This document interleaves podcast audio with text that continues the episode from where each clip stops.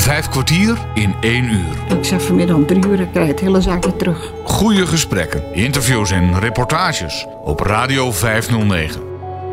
Met gastheren Bas Barendrecht en André van Kwaabegen. Goedemorgen. Vandaag kan je opnieuw genieten van een gesprek dat Bas had met de toen 91-jarige mevrouw Zaal uit Bodegraven. Zij leefde in een hele andere tijd dan de onze en daar praten we dan ook over. Maar ze heeft het ook over haar man Gijs, die groenteboer was en die op zijn notitieblok onderaan, na alle groenten die hij leverde, de slogan schreef: Men zegt het menigmaal, ga toch naar Zaal. Hun zeven kinderen hadden een andere kreet. Annie, Jenny, Teunie, Fini, de enige zoon Dick, Jannie en Lisbeth zeiden: Ga niet naar Schouten. Want Die maakt die fouten. maakt fouten. En dat was de groentehandelaar een meter of honderd verder in de straat. Bent mijn dansje in de zomerzon. Je bent het draadje aan mijn luchtballon. Je bent de appels op de tafelsprei. Je bent de scharrel van mijn scharrelei. Zal ik jou wat zeggen? Ik heb je lief, Marie. Zal ik jou wat zeggen? Ik heb je lief, Marie. Zal ik jou wat zeggen? Ik heb je lief, Marie. Zal ik jou wat zeggen? Ik heb je lief. Je bent mijn groene en mijn stille dal. Je bent mijn kermis en mijn carnaval. Je bent de boter van mijn boterblom. Je bent de goudvis in mijn vissenkom. Zal ik jou wat zeggen? Ik heb je lief, Marie. Zal ik jou wat zeggen? Ik heb je lief, Marie.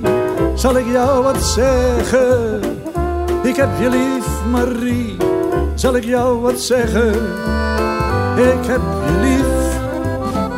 Je bent mijn huis, de tuin en het groene gras. Je bent de zomer in mijn winterjas. Je bent het zonlicht en haar gouden glans. Je bent de kraaltjes van mijn rozenkrans. Zal ik jou wat zeggen? Ik heb je lief, Marie. Zal ik jou wat zeggen? Ik heb je lief, Marie. Zal ik jou wat zeggen? Vijf kwartier in één uur. Graag uw aandacht voor mevrouw Zaal. Op de zeven maanden ben ik geboren. En ik was nog geen twee pond. En toen vroeg de dokter aan de aan moeder: Heb je ook witte zakdoeken? Want die luiers waren veel te groot. En heb je ook een koffertje, een mandje, waar ze in kent? Want ik moest naar Leiden toe. En daar hebben ze me gebracht. En daar heb ik drie maanden gelegen. Toen woog ik vijf pond. Toen mocht ik naar huis. En moeder zei altijd, ik was een jank eh, baby, want ik deed niet anders dan janken. Maar achteraf was het geval. Ik werd s'nachts gewassen en gevoed. En overdag maakte ik er een eh, nacht van. Ja, verder ben ik thuisgekomen. Ze hebben hele zorg aan me gehad. Maar ik ben er opgegroeid. Tot een grote meid. Dat, ik was sowieso al, al te vroeg geboren. Hè? Ja, twee maanden ben ik te vroeg geboren. Dus ik op de zeven maanden ben ik geboren. En ook nog een moedje. Ook dat.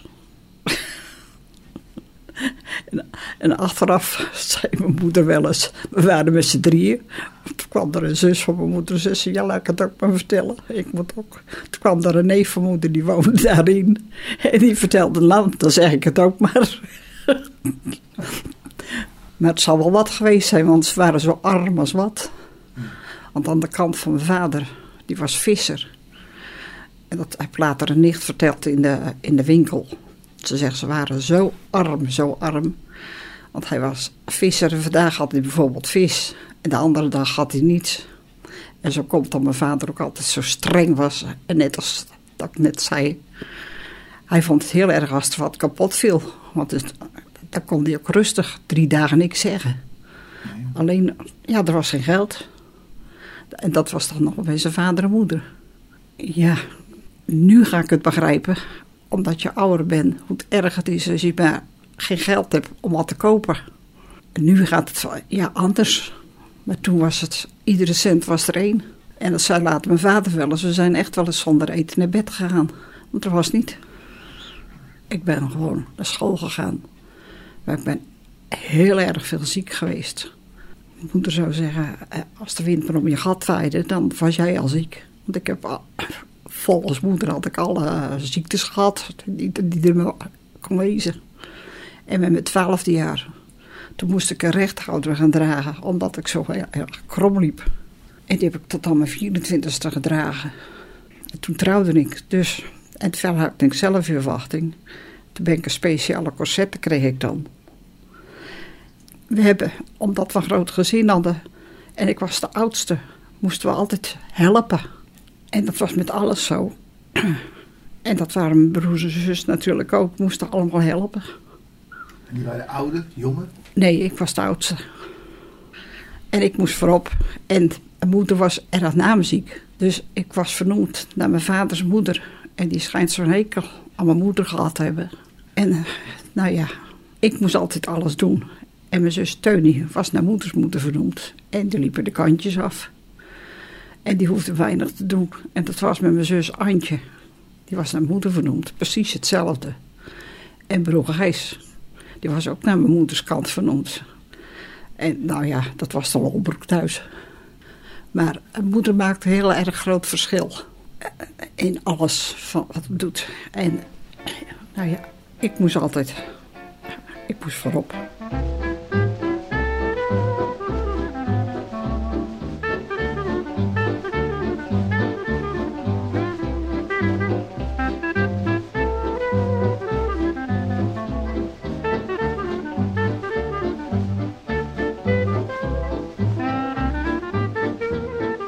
spelen was er eigenlijk weinig bij.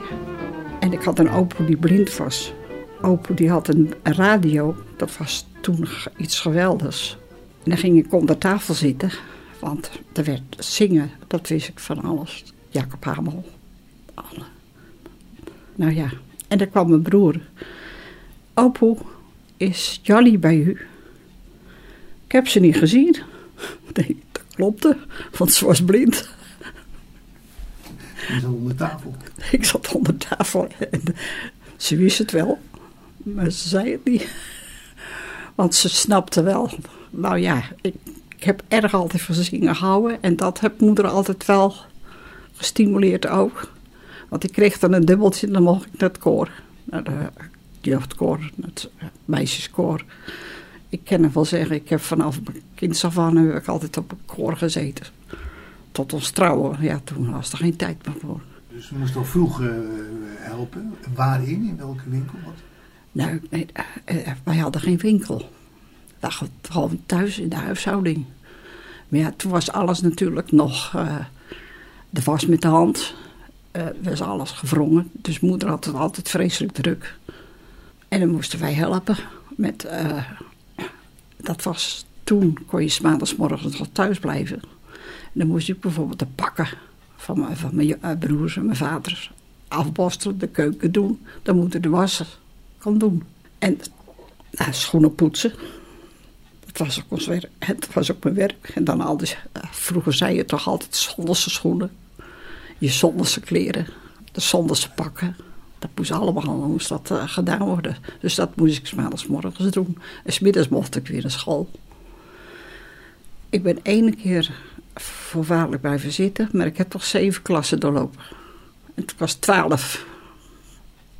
En toen ging ik eh, naar de naaischool. Nou, daar maakte ik helemaal niks van.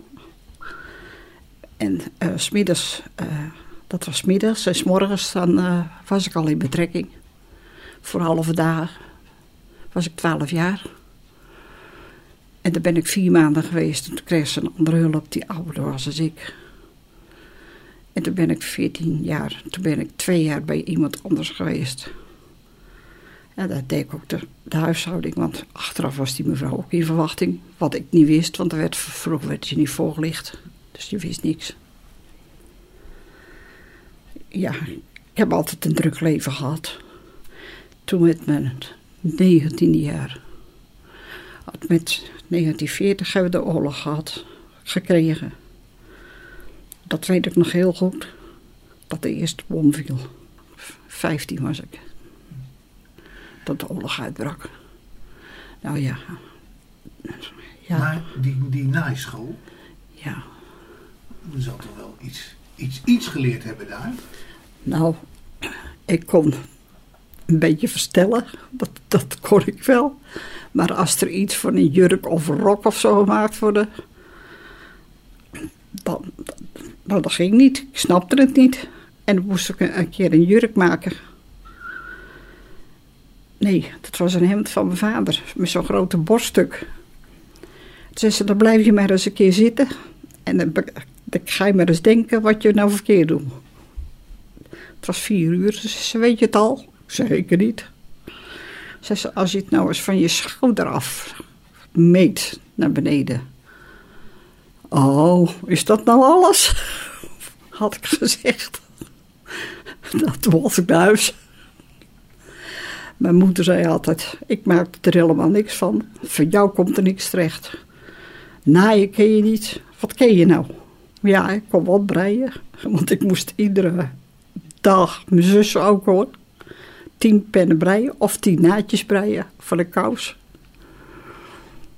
Dat was ons werk voordat we mochten gaan spelen. Verplicht nummer. Ja. Ja. En mijn zus, ene zus, nee mijn broer, die moest aardappels schillen. Nou, dat was een emmer vol. En vooral in de oorlog, toen werd natuurlijk steeds minder. En aardappelen waren er nog genoeg.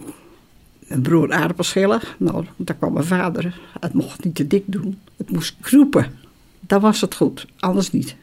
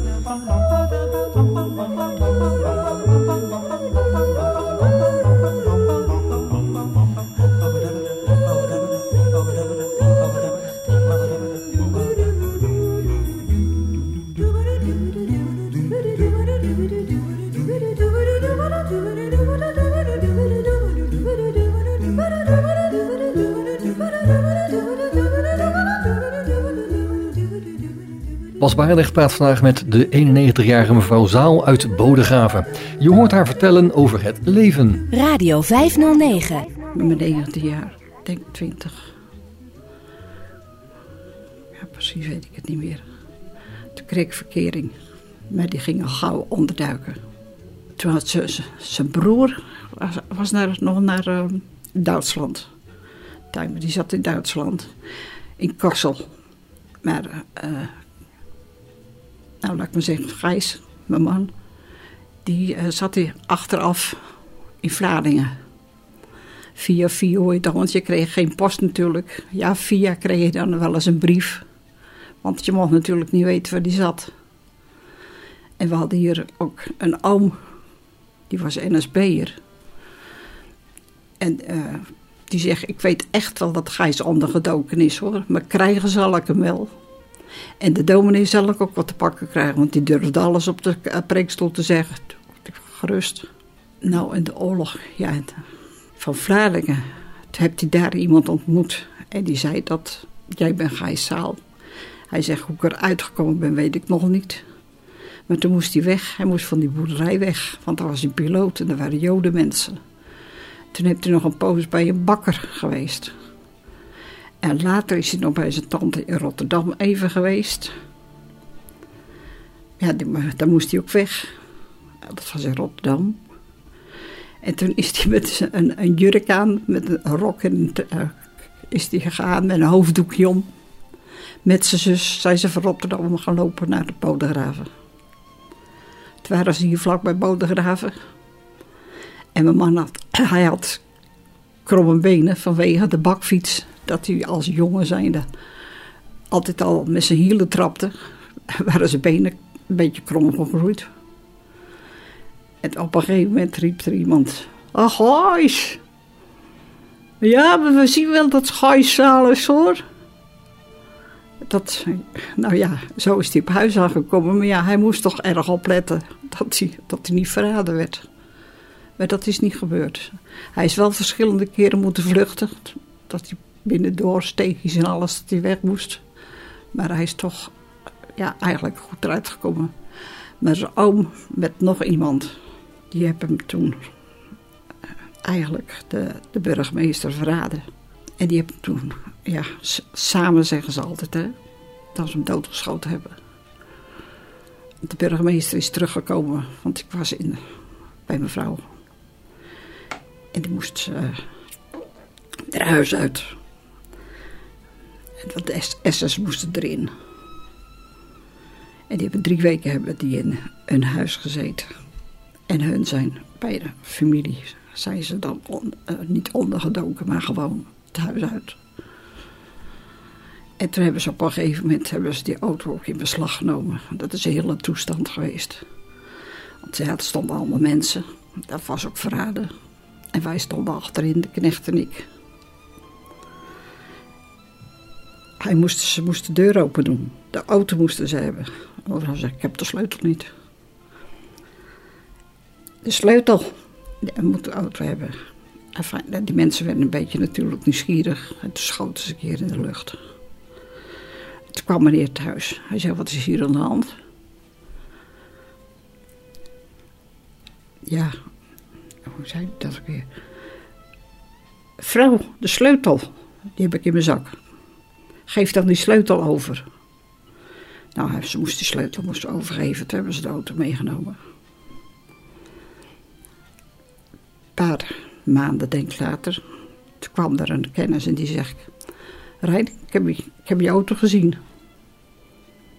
Hij zegt, ik ken niet, want ik heb geen auto meer. Hij zegt, toch heb ik je auto gezien. Hij zegt, ga maar mee, ik weet waar die staat. Stond de auto langs de kant, zonder wielen. Want ze hadden niks van die auto, want het was een Engels merk. Ze hadden de wielen eraf gehaald. Maar er waren, ze konden er niks mee doen. Dus die auto kwam terug. Nou, toen is die bevrijding gekomen. We hebben eerst voor de ramen staan kijken dat die meiden geschoren werden. En er was een man, die moest met zijn klompen in zijn handen, moest hij het helemaal zingen. Toen op een gegeven moment zei mevrouw, Jannie, we gaan naar achteren. Ik wil het niet meer zien. Toen zijn we naar achteren gegaan. Maar er zijn er ontzettend veel, ja, meiden mag ik niet zeggen, meisjes. Die zijn, ja, kaal geknipt, maar altijd is er dan toch weer overgebleven. Degene die het ook meededen. Maar omdat ze van goede lui zijn, werden ze niet geschoren. Met die, uh, die, man met die klompen, die moest veel helpen zingen. Nou, zei mevrouw, dat wil ik nog wel eens zien. nee, ze waren achter. Ik wil het niet meer zien. Ja, het moest heel huis weer van boven tot onder schoongemaakt worden. Want het was natuurlijk een bende. Ja, ja wat moet ik verder zeggen? Maar die oorlog heeft wel heel veel indruk uh, gemaakt. Heel erg veel.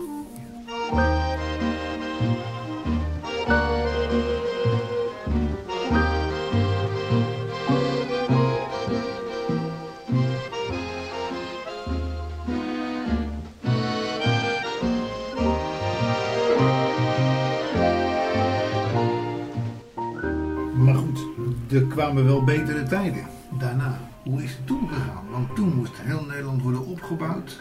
Jullie kregen een winkel, hadden een winkel. Ja, het was allemaal natuurlijk... Ik heb een hoop dingen heb ik eigenlijk... Op dat gebied heb ik dan uh, gemist. Ik ben met, met de 25e ben ik getrouwd. Toen zijn we naar Nieuwebrug gegaan.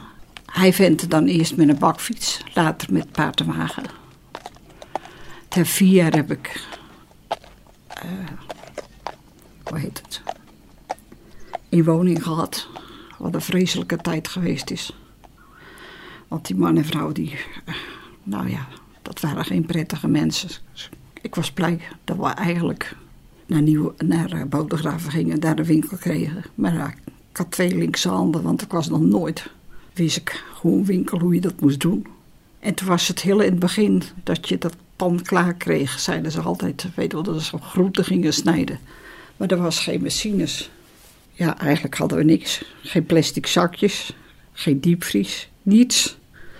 Dus dat is een hele moeilijke tijd geweest. En onderhand kwamen ook de kinderen. Voor Lieflee is dat beter geworden. Hoe bent u handig geworden? Door het doen, door het leren. Dan dacht je op een gegeven moment, ja, het is niet zo mooi weer, laat ik nou maar... Uh, bijvoorbeeld is, uh, dat, dat ik andijven ging snijden. Ja, natuurlijk moesten ze natuurlijk ruien hebben. Of iets anders. En voor Lieverlee ben je zo bij je erin gekomen. Maar het, het was een vreselijke moeilijke tijd. Ik, ik heb geen hekel aan de winkel gehad, nooit. Maar aan de andere kant was het een moeilijke tijd. Omdat ik twee linkse handen had en je kreeg je kinderen, vond ik het een hele moeilijke tijd. En ik ging in het begin ook heel erg veel met venten mee. En nou ja, weet je, als er iets ongerechtheid was, dan stond ik al achter de wagen. Want anders had ik zo gedaan. Maar goed, We hadden ook een klant en die vroeg altijd: Gijs, ik moet drie peren hebben, hetzelfde grootte. Drie bananen van dezelfde grootte. Af. En zoveel witlof met zoveel grootte. En fijn, een heel rijtje. En dan stond ik mij gelopt. Dat ging achter de wagen staan. Zei, maak je toch niet zo druk? Ik zeg tegen haar, ik vind het net of je een schoolweer bent. Daar kon ik niet tegen. Ik kon niet tegen dat onrecht. Dat je als, en in de winkel ook, dat de mensen gewoon, ja, niet zo leuk behandelden. En ook met het geld. Een paar keer heb ik beleefd dat ik een briefje van 100 moest wisselen. En dan ging ik naar boven toe om te wisselen. En dan kwam ik terug. En dan gaf ik het geld. Dan zei ik, mag ik het briefje van 100? Nou, ik heb het drie keer meegemaakt. Toen heb ik gezegd, ga het voor ze anders doen. Het briefje van 100 eerst. En dan geld. Want ze zouden zo weggelopen hebben. En, da, en daar, kan, daar kon ik niet tegen. Die onrecht kon ik niet tegen. Mijn man was anders. En Annie was later ook anders. Die nam het makkelijker op.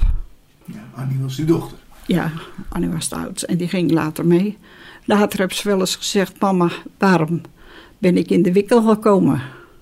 Ik zeg tegen haar: Ik zeg, nou, dat, dat ging vanzelf. Ik zeg: Jenny kon geen brood snijden, die sneed altijd schuin.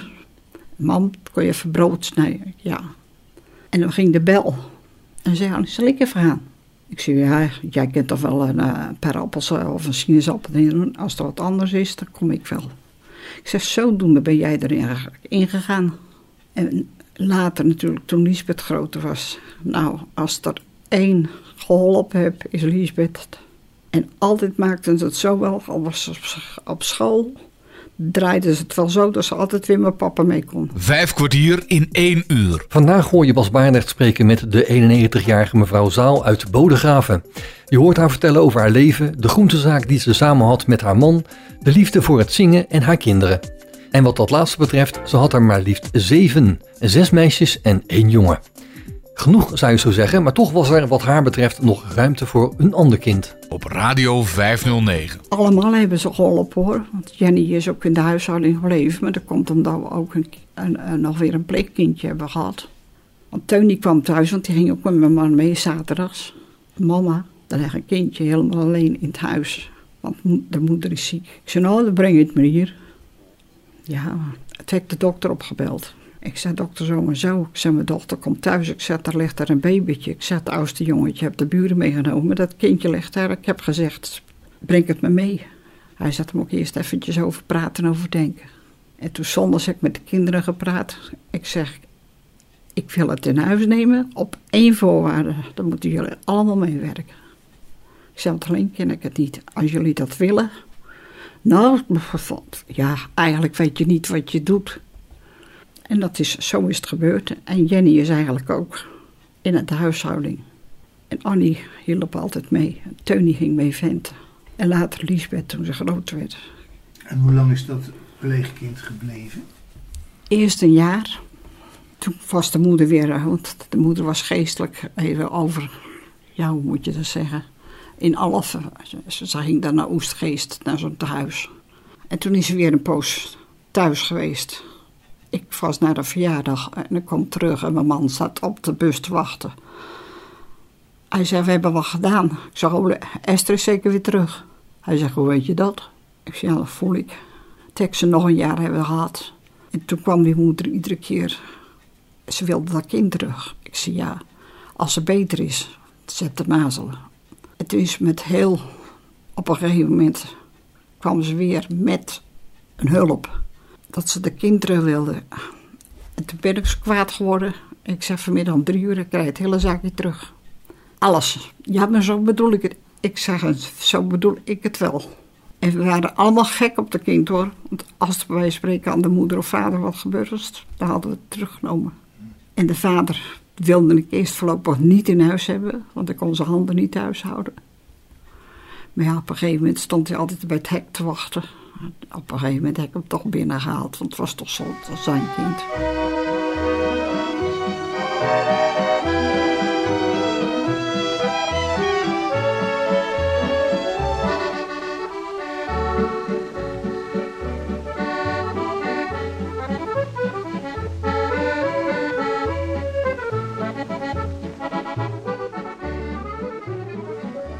Annie stond meer in de winkel en ik zorgde eigenlijk dat de winkel gestoft en gedaan werd. Annie zorgde wel dat de winkels verder schoon. En verder deed zoals boerenkool, dat kregen we toen in het begin. En dat heb ik buiten, heb ik dat zo snijden. En nou sneeuw en alles erop. Dat is toen een zwaar leven. Dat is toen, dat vond ik heel erg. Maar de boerenkool gewassen, en nog eens een keer gewassen, maar ze kwamen wel, want mevrouw Zaal was altijd schoon, dus dan was het schoon. En ja, ik, met de klanten, als ik met mijn man meeging, ja, er waren er echt wel eens, weet u, dat ja, hoe moet ik dat zeggen? Bijvoorbeeld ene keer dat ik, ik moest gaan vragen. Toen zei ze, ja, uh, sorry, ik heb al groente bij een ander gehaald in Gouda, maar ik ben citroen vergeten. Nou, ik naar de wagen toe. Ja, ze hebben alleen maar een citroen nodig. Ik zeg, verder heb ze alles al gehaald. Nou, dan breng je die citroen. Ik zeg, nou, voor mij kreeg ze hem niet. Ik zeg tegen ik zeg, hoe durven ze? En dat was in de winkel soms precies hetzelfde. Of je had het niet goed gedaan. Of je kreeg een grote mond. Dat was ook met bijvoorbeeld als de, uh, dat je bijvoorbeeld een kilo appels had en dat het overgewicht was. Dan zeiden ze, ja, het is bij jullie altijd zo. Dat het meer is. Zei, nou mevrouw, dan haal ik een appel af. Of een banaan. Nou ja, dat moest dan maar. Later hebben we een, een, een, een weegschaal gehad. Dan konden ze het zelf ook zien. Maar ik altijd een soort achterdocht van de mensen. Dat je te veel nam. Dat vond ik altijd zo erg. Over een klant stond ik een grote fruitmand te maken. Toen hadden we nog geen kassa. Dus ik schreef alles op een papiertje. Had ik 27 cent over. Zus, er kent er nog wel een banaan bij. Ik zeg, banaan bij? Ik zeg, mag ik alsjeblieft ook nog wat verdienen? Oh, natuurlijk, natuurlijk. Zegt hij, hoe heb je het durven zeggen? Ik nou, het is toch zeker zo? Ik zeg, 27 centen. Ik zeg, en die paar centen van die fruit wat je hebt. Ik zet er straks de hele tijd voor te... Ja, ja, sorry. Dat was echt... Dat vond ik... Dat vond ik allemaal zo oneerlijk. Net als dat mijn, mijn man altijd uh, zoveel geld kreeg. Ik heb het ene keer ik moest, het, dan moest ik een end lopen hoor, naar zijn watermachine. En toen gaf ze een briefje van 25. Ik zei, nou mevrouw, dat schiet wel lekker op. Want er stond nog zo'n hoop geld. Toen zei ze, nee, ik moet terug hebben. Alleen te betalen wat je nou geeft. Ik zei, nee. Ik zei, ik houd die 25 gulden. Ik zei, want daar hebben we recht op. We kregen laatst de politie aan de deur. Ik moest teruggeven, want dat mag. Ik zei, dus, een klant mag wel schuld maken... En ik zeg, ik moet dan. Hij zei ja. Hij zegt. Maar ik moest geld teruggeven. Vijf kwartier in één uur. Het jonge paar kwam stijf gearmd van het stadhuis. geëscorteerd door slechts een paar familieleden. Er zou geen bruiloft zijn omwille van de vrede. Alleen een heel bescheiden schijnreceptie thuis.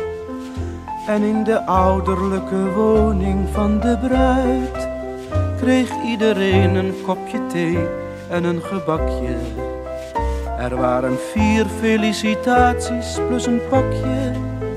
En na een uur liet men de laatste gasten uit. Toen was het allemaal gelukkig weer gewoon. Ze gingen zwijgend naar hun zolder met z'n beiden. Waar niemand zag hoe hij haar troostte toen ze schreide.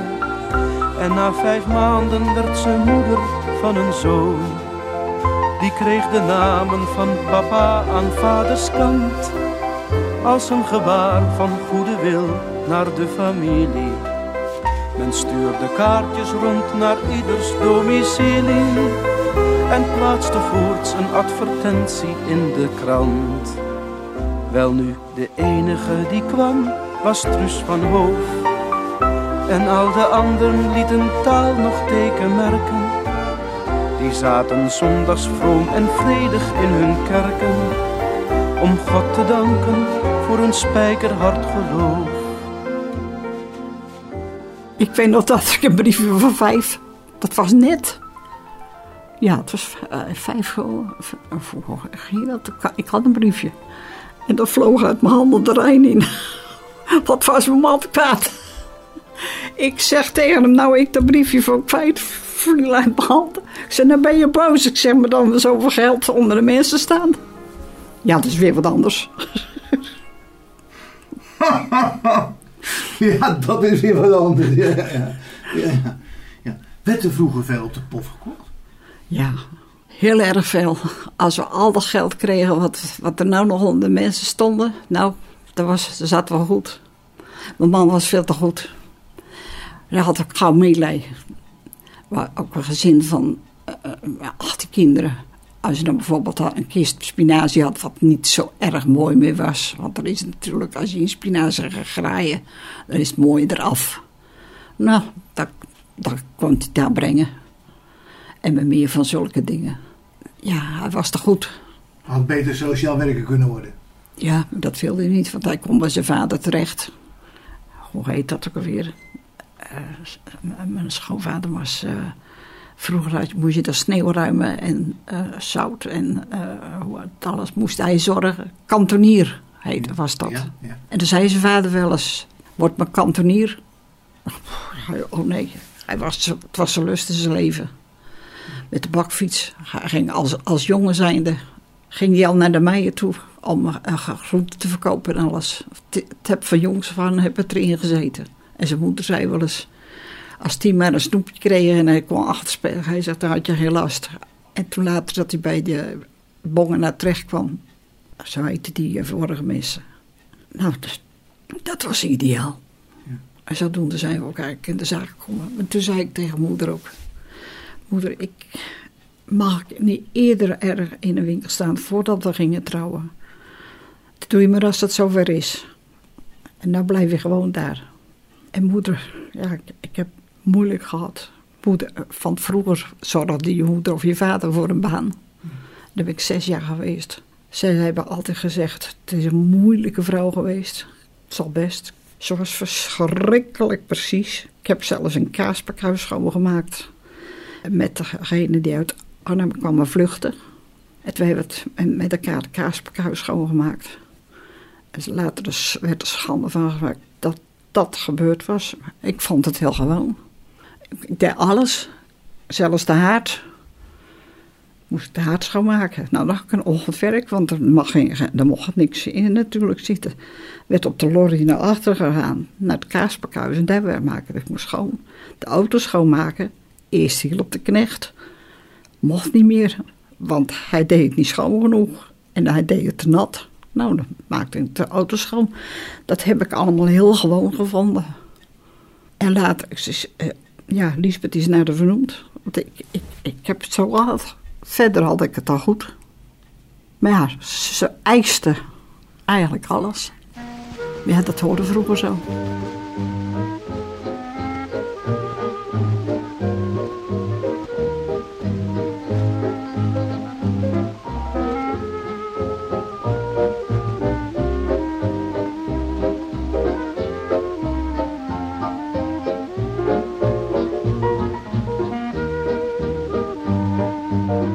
In vijf kwartier in een uur praat Bas Barendrecht vandaag met de 91-jarige mevrouw Zaal uit Bodegraven.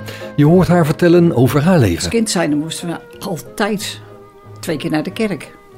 Want vader en moeder waren ook streng opgevoed. En wij werden ook, nou, als kind zijn van jaar of vijf gingen we al tweemaal naar de kerk. Toen we groter werden, moesten we naar de zondagschool. Dus we gingen twee keer naar de kerk en één keer naar de zondagschool. Van Lieverlee, ja, ik kan wel zeggen, altijd dat, dat we twee keer gingen. We wisten niet beter. Het hoorde zo. En drie keer eh, las mijn vader altijd uit de Bijbel. Op een gegeven moment kwam er een andere dominee, een hulpprediker. En toen werd het anders. En toen is eigenlijk de gereformeerde kerk. En toen heb je, ja, wij zeggen altijd nog eh, artikel 31. Ik weet niet hoe dat precies de echte naam is, durf ik niet te zeggen. Want er was iets met de doop. Ja, toen was ik nog, nog maar een jaar of 18, dus precies wist ik het ook niet waar het om ging. Maar het ging over de doop. En toen is het ook weer gesplitst. En eh, ik ben dan van gereformeerd. Waren wij altijd. Maar je had natuurlijk ook de hervormde kerk. Maar dan had je weer de bonders. En dan de, de lichtere kerk. Ja, het is eigenlijk altijd een soort strijd geweest. Ik heb gisteren al een heel gesprek met de dominee over gehad. Weet u, vroeger was het eh, kerk, zonderschool. Maar nu wordt er, eh, de, jongeren, de jongeren erbij betrokken. Verleden week zondag hadden we een, een jongerendienst. Eh, die moesten vertellen over Israël. eh, over het koken. Ja, en dan gaat natuurlijk lachende. Maar dat was vroeger niet zo. Toen vroeger was het in de kerk en er was avondmaal. Nou, duurde de kerk twee uur. En nu, met dopen ook, het gaat anders. Het is lichter geworden, makkelijker voor de kinderen zelf. Worden erbij betrokken. Ja, we gingen naar de meisjesvereniging. Nou, er werd gezongen, gebeden, een stukje uit de Bijbel gelezen. En dan had je een onderwerp.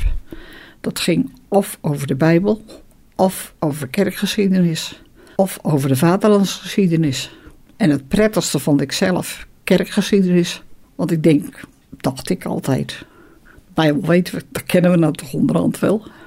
Dus ik had liever kerkgeschiedenis, dat vond ik prettiger. En dominee op catechisatie, dan moesten we altijd de catechismus leren. De volgende bij zondag 1. De dominee vroeg er wat en dan moest jij dat antwoorden. En weet u dat allemaal ook nog? Nou, als ik de catechismus leerde in het begin, de eerste zondag zou ik dan wel kunnen. Maar nou, als ik het lees, dan zeg ik, oh ja. Maar ik- dat ken ik allemaal niet meer. In het begin weet ik wel dat het, eh, nou, en dat was ook waar ik in betrekking was ook, ging je naar, eh, bijvoorbeeld, mevrouw was hervormd, dus dan ging je naar de hervormde winkel. Tenminste, protestant. Maar was je katholiek, dan ging je naar eh, de overtocht, dan ging je naar de katholieke kerk. Dat was heel erg verschil. Heel erg groot. Dat is later wel beter geworden, toen had het meer gemengd. Maar toen was dat heel erg. Ik weet dat dat moeder ook altijd zei, gereformeerde bakker. Eh, gereformeerde slager. De fruitschalen eh, eh, maakten we, ja, dat was van onze kerk, van de gereformeerde kerk, van de hervormde we gedeelte. Van de vrouwenbond kregen we, van de zonderschool hadden we. Eh, maar ook dat onderscheid van, nou ja, van onze kant kwam dan naar ons toe. En de andere ging weer naar de, naar de andere kerk. Ik weet wel, toen we dat een keer in de kerk, toen was ik nog maar een meisje, maar dat ik het dominee riep van de preekstoel af. Nooit, nooit, nooit. Toen zeg ik later tegen moeder, waarvoor zei die nooit? Dat ging over de doop. Dat was ook weer een verschil. Vroeger moest je, als je kindje geboren was, bij de katholieken moest je direct naar de kerk. Bij ons mocht dat wel, nou zeg maar na negen dagen. Later is het anders. Ik heb, ik heb het zelf meegemaakt van Dick, dat, dat het drie maanden was. Bij jullie, en- maar toen was het echt na negen dagen en dan moest dat kind gedoopt worden. En zoals toen pa, die was niet beleidend lid, mocht hij ook niet dopen. Hij mocht naast me staan, maar ik moest antwoord geven. En dat was met avondmaal. Hij mocht niet naar het avondmaal, want hij, had, hij was alleen maar dooplid. Dat was heel erg streng. En als mijn schoonzus vanuit Rotterdam naar Bodegraven kwam en er was bijvoorbeeld avondmaal, moest ze eerst een briefje meebrengen, anders kwam hij er niet aan. En nu gaan de kinderen van acht jaar er al aan. Het is een heel groot verschil van toen en nu. Nou ja, wij kwamen natuurlijk uit de kerk, rechts. En toevallig, als het dan zo goed was, uh, dat de, kerk, de hervormde kerk uitgingen, nou, die liep aan die kant. Uh, de brug ging niet open, want dat mocht niet. Op zondag mocht er geen brug open, dus die bootjes die aan de ene kant lagen, en uh, moesten ze gewoon tot, tot maandag wachten. Dat, wat was, dat was heel streng. Radio 509. Verkering sinds een week met Alida. Zij is het van mijn hospitaal. Zij kookt heerlijk en dat mij zo tevreden. Want ze zorgt voor de vitamine ABC. Ik ben verliefd, ben verliefd op een keukenmeid. Wat ben ik gelukkig met haar. Het is een schat, het is een schat, het is een reuze meid. Blauwe ogen en prachtig blond haar. Des avonds bij het luiden van de gong voor het diner. Dan gaan we naar de keuken zo gezellig met z'n twee. Ik ben verliefd, ben verliefd op een keukenmeid. Ja, het is waar, ja, het is waar, het is.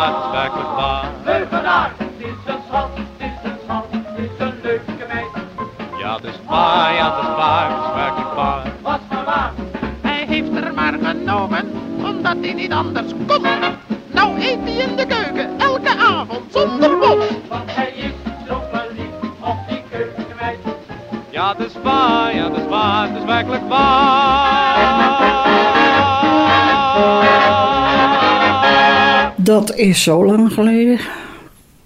Dat is zeker 80 jaar geleden. Vijf kwartier in één uur. Het sneeuwt, het sneeuwt, het sneeuwt.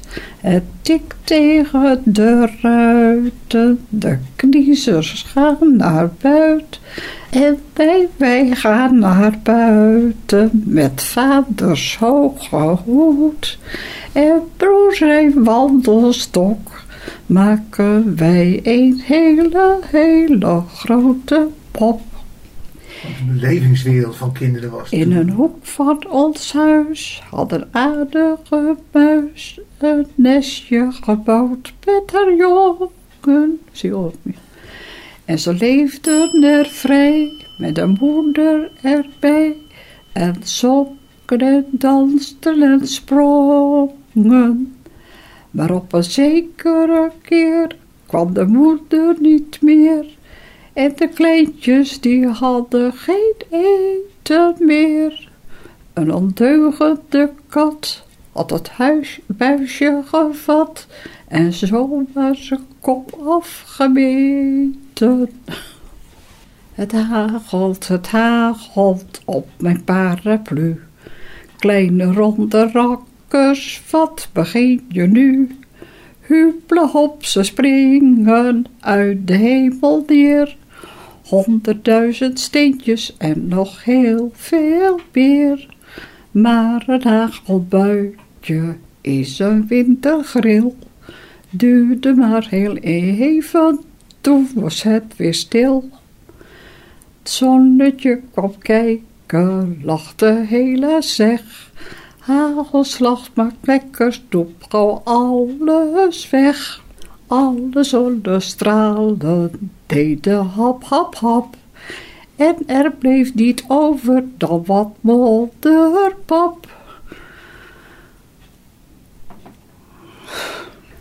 Achter sombere donkere wolken speelt het maandje kiekeboe. Zie, daar komt het weer eens kijken en het lacht ons vriendelijk toe. Kon ik het maandje grijpen heus, trok het even bij zijn neus. Aardig maandje, grappig maandje, ik moet toch echt weer naar mijn bed. Zeg, maak jij maar in je eentje nu nog maar een beetje pret. Kijk, daar ga ik kiekeboe en ik doe mijn oogjes toe. Dat zong u dan als de kinderen gingen slapen. Ja. Ja, meestal. Ja. Onze poes zit voor het raam en hij likt zijn pootje. En hij kijkt zijn oogjes uit naar het vogelkootje.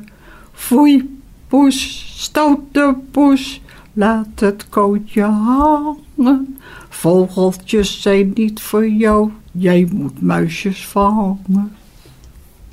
Het alles klept in de verte, in tonen zo zuiver en hel. En grootmoeder knielt op de drempel, de kinderen zijn staken een spel. Grootmoeder biedt ja, onze vader. De kinderen zeggen daarna. Een zonnestraal gleed door het loever. Een glimlach, het glimlach van genade. Hij gaat niet meer. Nee. Maar het is wel een mooi lied. Ik heb een steen verlegd in een rivier op aarde. Het water gaat er anders dan voorheen. De stroom van een rivier hou je niet tegen. Het water vindt er altijd een weg omheen. Misschien eens gevuld door sneeuw en regen. Neemt de rivier mijn kiezel met zich mee. Om hem dan glad en rondgesleten te laten rusten in de luwte van de zee. Ik heb een steen verlegd in een rivier op aarde. Nu weet ik dat ik nooit zal zijn vergeten. Ik lever de bewijs van mijn bestaan. Omdat door het verleggen van die ene steen de stroom nooit meer dezelfde weg zal gaan. Radio 509. De vermoeidheid slaat wel toe. Maar toch aan het einde van het gesprek nog wat verhalen, waaronder een verhaal over zo'n Dikkie, nu Dirk, die aan de petroleum raakte. Dat was vrouw, mevrouw Verdorp. En die hoorde Dick zo benauwd. Ze zegt, ga eens achter kijken, want ik geloof dat het niet goed zit. Ik naar achteren. Staat Dick met een heel klein tijltje met water erin. En ik zag als een, omdat hij in zijn zwembroek was, dat hij petroleum gedronken had. Wat heb je gedaan? Ik moest sapen. En nou, ik afgedroogd en naar boven gebracht, want hij moest sapen. Maar ik de dokter opgebeld, was hij er niet, thu- hij was niet thuis. Toen zegt mevrouw, laat hem maar drinken. Laat hem maar drinken. Dat wou hij natuurlijk niet. Toen kwam de dokter en die vloog naar boven toe. Die heeft net zo lang gerammeld totdat hij kwaad werd. Hij zei, ik heb hem weer. Hij zei, u hebt geluk gehad. Hij is er weer. En waar staat die petroleumkan? Zeg, achter het gordijntje. Hij zei, moet dat daar staan? Ik zei, nou, ik heb anders geen plek. Nou, en, en dat hij een keer kwam met, eh, ja, dat was een chauffeur. En die kwam dik als, is dat een jong voor jou? Ik zei, ja. Hij zei, nou, dat kan je geld kosten. Ik zeg, zo, waarom? Hij zei, nou, hij heeft me stenen gegooid. Hij zegt, nou zit er een gaatje in de auto. Dat kan wel eens in het glas. Dat kan wel eens 400. Zeg, je bent gek. Hij zegt, nou, iedere keer als die auto voorbij ging, dan keek ik. Ja, het gaatje zit nog. Het is nog niet gebarsten. Dus ik hoef nog geen 400 gulden te betalen. En dat hij in de Rijn gelegen heb. Dat twee meisjes kwamen brengen. Ik was een fruitpand aan het maken. Komen er twee meisjes. Ja, mevrouw, we hebben hem uit de Rijn gehaald. Oh, fijn, dankjewel hoor. En verder niks. Later, uit de Rijn gehaald. Uit de Rijn gehaald. Ik dik gewassen, ik had hem op bed gelegd. Uit de Rijn gehaald. Had ik hem bijna niet meer gehad. Ik de andere naar school. Ik zeg, mag ik alsjeblieft die twee meisjes hebben... die mijn zoon uit de Rijn gehaald hebben? Nou, die kwamen naar voren. Ik heb ze ieder een ruksdaalder gegeven. Ik zeg, jullie worden bedankt. Andy zat een touw vastgebonden aan de boom. Want ja, het was rondom sloot. En Jens zat in de box. En toen had je nog geen vlonder. Dus zo op een kleed komt de politie. Een vrouw. Dat kippel van die boom af. Ik zie jou dan. Ik zeg, het is allemaal sloot. Ja, spijt me, maar het maar van die sloot. En Fien, uh, Jen was iedere keer uit de box. Ik denk, hoe kan dat in de vrede? Ik neem binnen naar huis, achter het gordijn. En ja hoor, Jen liep weer rond. En wat had ze gedaan? Ze gingen gewoon met haar voetjes op het randje van de box. En dan kiepte die box en dan kon zij eruit. En Annie, keer dat ze in de sloot, ja, dat was zo'n groot zwart schort, droegen ze en was bij buren. En dat mocht ze helpen wassen. Nou ja, ik denk, het kan geen kwaad. Ze is bij de buren. Kom even later bij je man, dat was dan uh, inwoning. Annie ligt in het water. Ik haal ze er naar uit. Dus ik draafde naar de sloot. Heb ik al eruit getrokken. En ze heeft geluk gehad. Door de grote schort dat ze aan had, was ze, is ze erop wezen drijven. Ik zeg tegen haar, waarom ga ik... Oh, moest ik kipjes gaan voeren. Nou, ze heeft geluk gehad door de schort. Anders was ze zo door, door de kroos heen gegaan, want het was allemaal kroos. Je hoorde de 91-jarige mevrouw Zaal uit de Bodegraven... die heel wat mee heeft gemaakt in haar lange leven.